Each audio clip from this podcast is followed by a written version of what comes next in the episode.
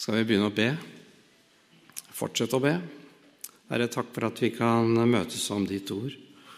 Takk for at vi har fått høre at du er eh, styrke i våre liv, at du gir fred, Herre. En fred som overgår all forstand, Herre. Så må du være med oss her på møtet i dag. Være med hver enkelt som har kommet hit, og hver enkelt som ikke kunne komme, Herre. Jeg legger eh, dagen i dine hender. Amen. Eh, vi har kommet til eh, fastelavnssøndag.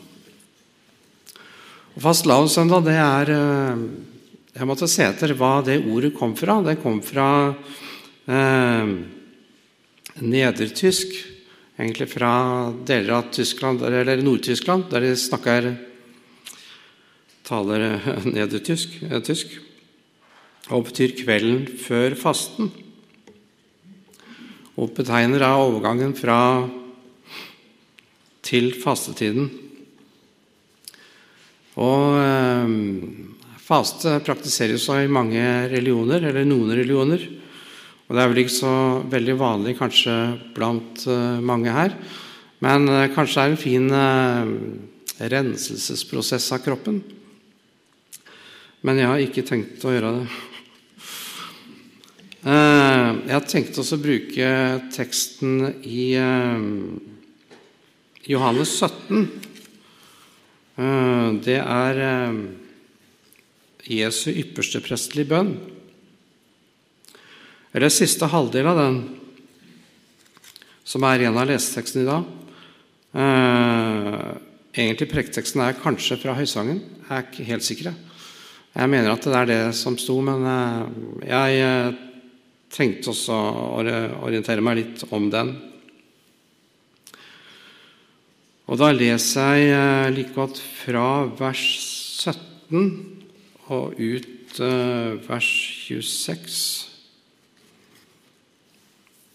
i Jesu navn. Hellige dem i sannheten. Ditt ord er sannhet. Som du har sendt meg til verden, har jeg sendt dem til verden. Jeg helliger meg for dem, så også de skal helliges i sannheten. Jeg ber ikke bare for dem, men også for dem som gjennom deres ord kommer til tro på meg. Må de alle være ett, slik du, Far, er i meg og jeg i deg slik skal også de være hos oss, for at verden skal tro at du har sendt meg. Den herlighet du har gitt meg, har jeg gitt dem, for at de skal være ett, slik vi er ett. Jeg i dem og du i meg. Så det helt og fullt kan være ett. Da skal verden skjønne at du har sendt meg, og at du elsker dem slik du har elsket meg. Far, du har gitt meg dem, og jeg vil at de skal være der jeg er, så de får se min herlighet, den du har gitt meg fordi du elsket meg før verdens grunnvoll ble lagt. Rettferdige Far, verden kjenner deg ikke, men jeg kjenner deg, og disse vet nå at du har sendt meg. Jeg har gjort ditt navn kjent for dem og skal fortsatt gjøre det for at den kjærlighet du har hatt til meg, kan være i dem, og jeg selv kan være i dem. Eh, vi er da Vi er vitne her til en fortrolig samtale mellom Jesus og far. En samtale mellom Gud til Gud. Og Disiplene får her eh, et innblikk i Guds, eh, i Guds guddommelighet som de hadde før verden ble skapt.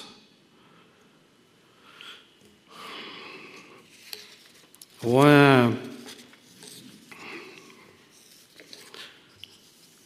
Og Jesus vil at også vi skal ha det samfunnet med Han og med hverandre og eie den freden som aldri forgår. Og vi som lever og tror på Jesus i dag, vi er også gjenstand for den samme bønn, samme forbønn som disiplene var. Og Vi kommer også inn i dette ord gjennom det ord som kom til apostlene. Og Guds rike utbres bare gjennom det som Jesus kaller deres ord, altså gjennom Bibelen. Og jeg tenkte at det er, vel, det er sånn Jesus vil at også vi skal være, og kunne ta imot den freden han gir, ta imot den uh, tryggheten han gir. Og kanskje det er fint uh, Vi er vitne her til en uh, fortrolig samtale. At vi også kan ha en fortrolig samtale med hverandre, kanskje på et dypere plan, og kjenne hverandre ordentlig godt.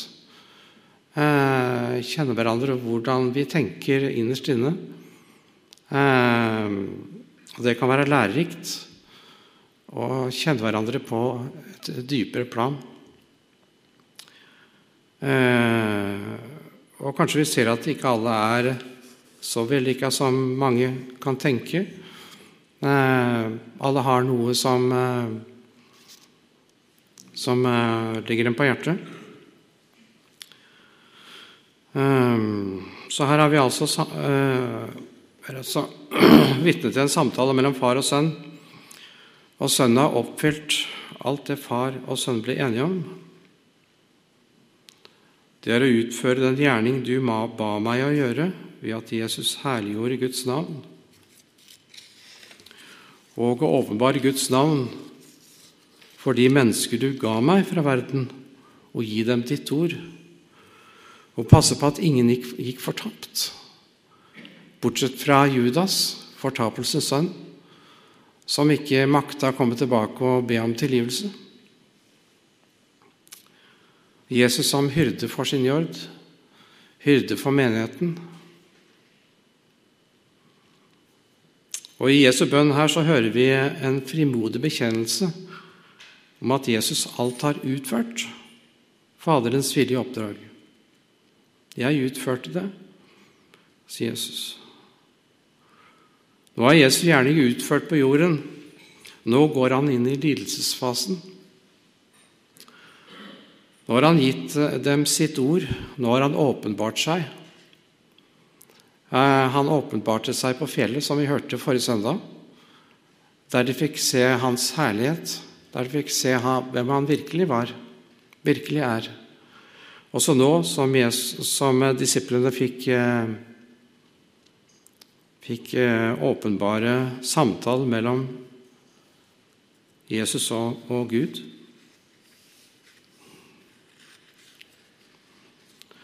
Jeg, Jesus ber jeg hellige meg for dem, så også de skal helliges i sannheten. Sier tidligere her i, i bønnen. Og Rett etter denne bønnen så blir Jesus tatt til fange.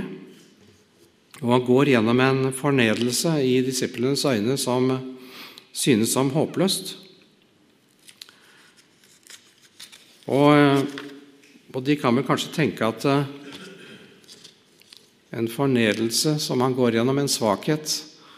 Eh, alt de hadde bygget opp, kanskje av kjennskap til Jesus, gikk i vasken, kunne de tenke. Hadde brukt tre år på også en som eh, de ikke Som ikke gikk noe videre. Eh, de kunne tenke det at de hadde satsa på feil mann, brukt tre år bortkasta. Men når de synes mest håpløst, det er da helgelsen begynner. Og får sin seier da Jesus utådder på korset og forkynner at alt er fullbrakt. Helt motsatt av det vi mennesker tenker. Her har de en leder som vasker føtter, en som bøyer seg ned, en som er tjener for de andre. Og Vi hører også når det er feirer eh, nattverd, så hører vi 'Kom, for alt er ferdig'. Alt er fullbrakt. Han har bana vei like inn til himmelen. I uh, Jesaja Jesaja 53 så står det Han var foraktet, forlatt av mennesker, en mann av smerte, kjent med sykdom, en de skjuler sitt ansikt for. Han var foraktet, vi regnet ham ikke for noe. Sannelig, våre sykdommer tok han, våre smerter bar han. Vi tenkte han er rammet, slått av Gud og plaget. Men han ble såret for våre lovbrudd, knust for våre synder. Straffen lå på ham, vi fikk fred. Ved hans sår ble vi helbredet.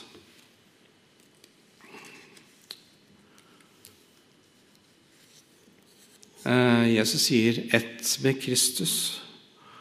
At vi alle må være ett med Kristus, med Faderen, podet, poda inn på samme stamme. Da vi kan eh, trekke, drikke av sevjen, drikke av det vannet som trærne tar i seg.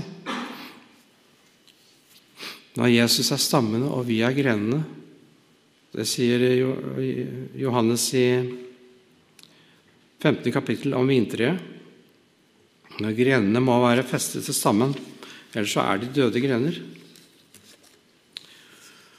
Eh, sammen det vil alltid være forskjellige organisasjoner og kirkesamfunn, men Guds ord må være styrende. Eh, jeg har begynt å lese på en bok som heter eh, 'Trærnes hemmelighet'. Og Det er eh, ganske morsomt å lese. Trærne er egne individer som passer på hverandre, og som har omsorg for hverandre. Og prater med hverandre, egentlig, som han sier. Og Når det gjelder det også veldig høye trær, så veit egentlig ikke forskerne hva som skjer Eh, når trærne tar til seg vann, åssen de får vann helt opp i tretoppene.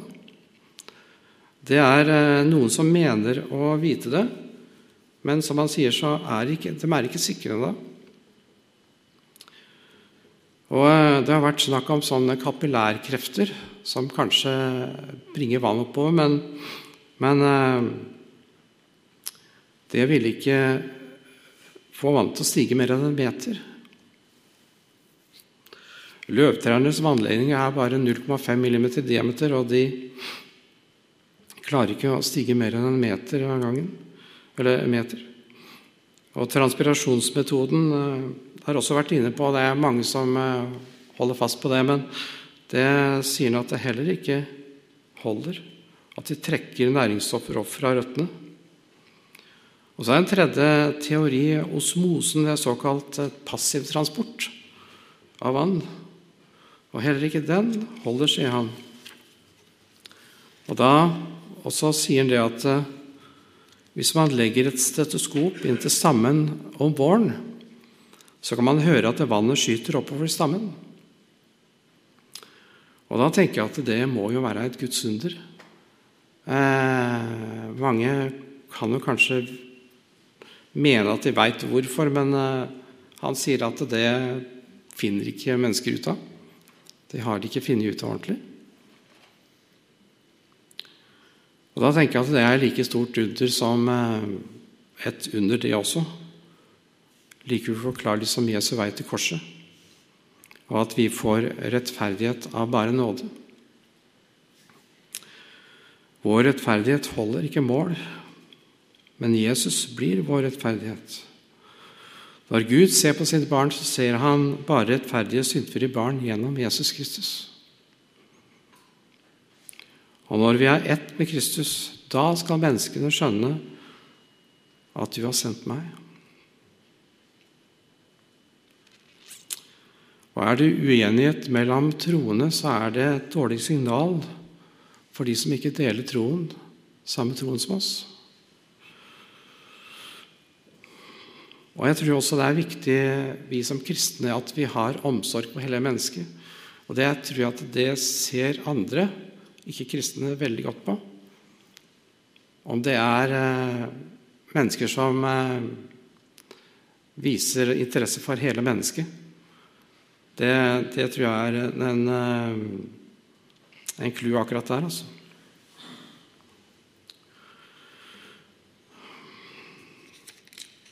Og Jeg tenker også på å være en medvandrer. Vi hadde vel et, et, møte her, eller et kurs her eller sånt med han Jeg husker ikke om han het Olavsrud, var det det kanskje? Jeg fikk ikke vært her, men jeg hørte det på, på Facebook etterpå. Eh, ganske lærerikt å høre på. Eh, veldig lærerikt. Og eh, mange kunne trenge en sånn medvandrer. Og eh, det er så, mange, det er så mye ensomhet i verden at eh, vi ser ofte det når det er noen som, noen som signaliserer at er, de er ensomme. Og så er responsen så enorm.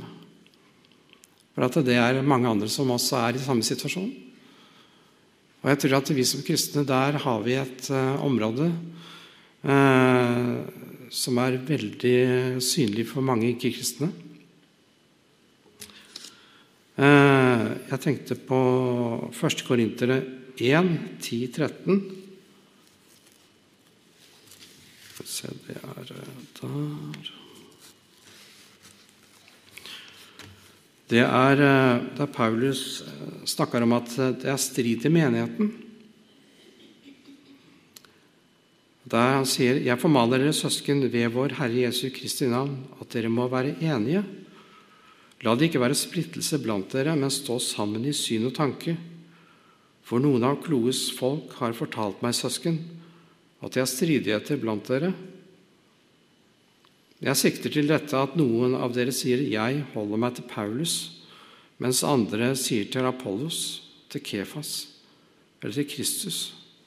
Er da Kristus blitt delt? Var det kanskje Paulus som ble korsfestet for dere? Eh, jeg tenker på når er, vi, når er vi ett med Kristus? Og Da tenker jeg at det er rett og slett når vi tror på Kristus. Når vi tror på Jesus, tror at han sto opp til vår frelse. Og at eh, vi tror at han er vår rettferdighet. Og jeg tenker at når vi er avhengig av ham, når vi ingen, ikke ser noen annen utvei, at vi overgir alt til ham En synder som klamrer seg til Jesus, som en gren som klamrer seg til eh, stammen. Hvem skulle ellers, gå til? Du har jo det evige livs ord, sier Peter. I 1. Eh, Korinterne, som også er 13, som er kjærlighetens kapittel, kjærlighetens vei Og Der står det i eh, vers Det er jo kapittel 13, ja, altså vers 4-7. Kjærligheten er tålmodig, kjærligheten er velvillig. Den misunner ikke, skryter ikke, er ikke hovmodig. Kjærligheten krenker ikke, søker ikke sitt eget, er ikke oppfarende, gjemmer ikke på det onde. Den gleder seg ikke over urett, men har sin glede i sannheten. Kjærligheten utholder alt, tror alt, håper alt, tåler alt. Hvis det er sånn å være kristen, da har jeg bomma. Det, det, er ganske Hvis man greier det, da Men gjennom Jesus, men gjennom Jesus' kraft så kan vi mm, få styrke til noe av det. Uh, og det er ofte at en kan føle seg skamfull når en leser det. At jeg, eh, jeg greier ikke noe av det. Kommer til kort i alt. Alle tollere og syndere holdt seg nær til Jesus for å høre ham, står det i Lukas 15 igjen. Det er en eh, gammel salme som jeg kom til å tenke på. Og Det er en gammel salme av Thomas Kingo. Så jeg tenkte at eh, så gamle salmer går an, og så er ikke det altfor gammeldags. Det er fare å være grenser. Det er jo skrevet i 1681. Og, men så hørte jeg på lutherske fordypningsdager fra Bergen. Og der eh, siterte Jan Bygstad den, eh, den, salmen der, som hadde blitt så glad i. Så kommer jeg til å tenke på den og lese den. Eh, den heter jo 'Aldri er jeg uten våde'. Hvis det er noen som skjønner hva våde er, så gjerne rekk på handa. For det, det våde, det er vel egentlig akkurat i den forbindelse her kanskje uro eller rett og slett vådeskudd Er, man har bomma på målet, holdt jeg på å si. Det er mange tolkinger, men det er egentlig så er det vel dansk opprinnelig. Så noe år, egentlig oversettelse av det er jeg ikke sikker på. Den heter så 'Aldri er jeg uten våde, aldri dog foruten nåde'. Alltid har jeg sukk og ved, alltid kan jeg Jesus se. Alltid trykker i mine synder, alltid Jesu hjelp forkynner. Alltid står jeg under tvang, alltid er jeg full av sang. Snart i sorg og snart vel til mote, snart i fall og snart på fote.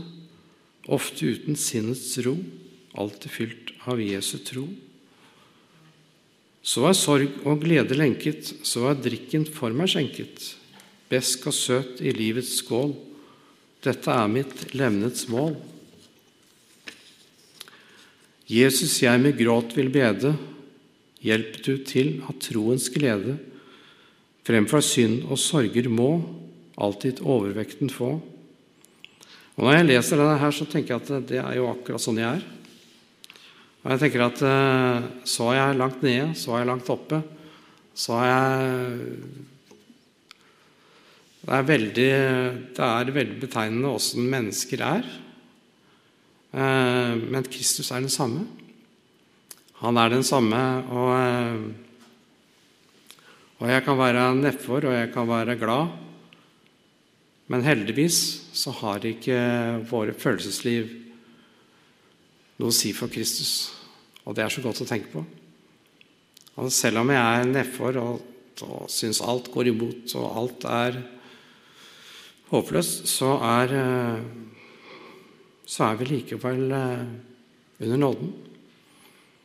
Og det tror jeg det, Akkurat den, den, er litt lærerik. Og mange gamle salmer er veldig lærerike. Fordi med, Før så har jeg tenkt på det at det, det er sånne gamle, treige salmer. Men uh, egentlig så er det veldig mye matnyttig der. veldig. Jesus sier, 'Jeg har gjort mitt navn kjent for dem, og skal gjøre, fortsatt gjøre det.' For den kjærlighet du har gitt meg, kan være i dem, kan være i oss.